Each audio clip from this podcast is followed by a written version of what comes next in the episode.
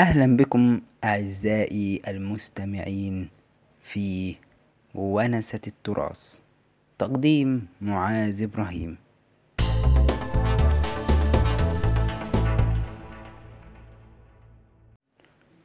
سنقدم لكم في هذا البرنامج مجموعة من قصص التاريخ والشخصيات التي أثرت فيه وسنأخذكم في نبذة عن التراث.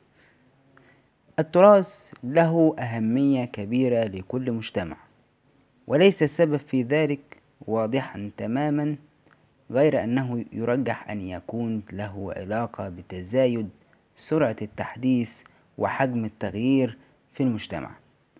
وفي حالات مثل هذه يمكن لما خلفته المجتمعات السابقة من شواهد أن تمنح الشعور بالانتماء. والأمان للمجتمعات الحديثة أن تكون بر أمان في عالم سريع التحول. وهو ما ينتقل من عادات وتقاليد وعلوم وآداب وفنون ونحوها من جيل إلى جيل. نقول التراث الإنساني والتراث الأدبي والتراث الشعبي هو يشمل كل الفنون والمؤثرات الشعبية من شعر وغناء وموسيقى ومعتقدات شعبية وقصص وحكايات وأمثال تجري على ألسنة العامة من الناس.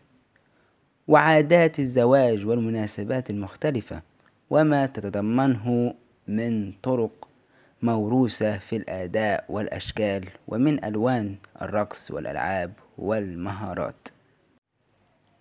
وقد يكون التراث أيضا معرفة مهمة للهوية في الكثير من المجتمعات.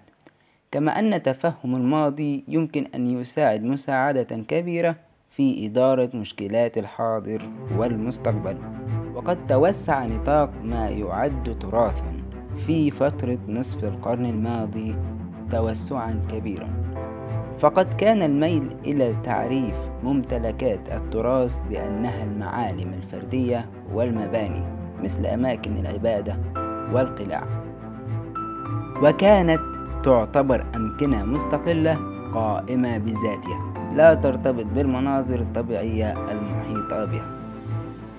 أما اليوم فهناك اعترافا عاما بأن البيئة بأسرها قد تأثرت بتفاعلها مع الإنسانية وهي بالتالي مؤهلة لأن يعترف بكونها تراثا.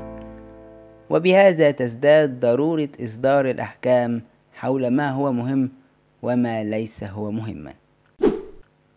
عزيزي المستمع الدنيا مدرسة مديرها الزمن وأستاذها القدر وتلاميذها نحن البشر. نتقابل غرباء ونعيش أصدقاء وإن حان وقت الفراق فلا تقل الوداع بل قل إلى اللقاء في حلقة جديدة مع ونسة التراث.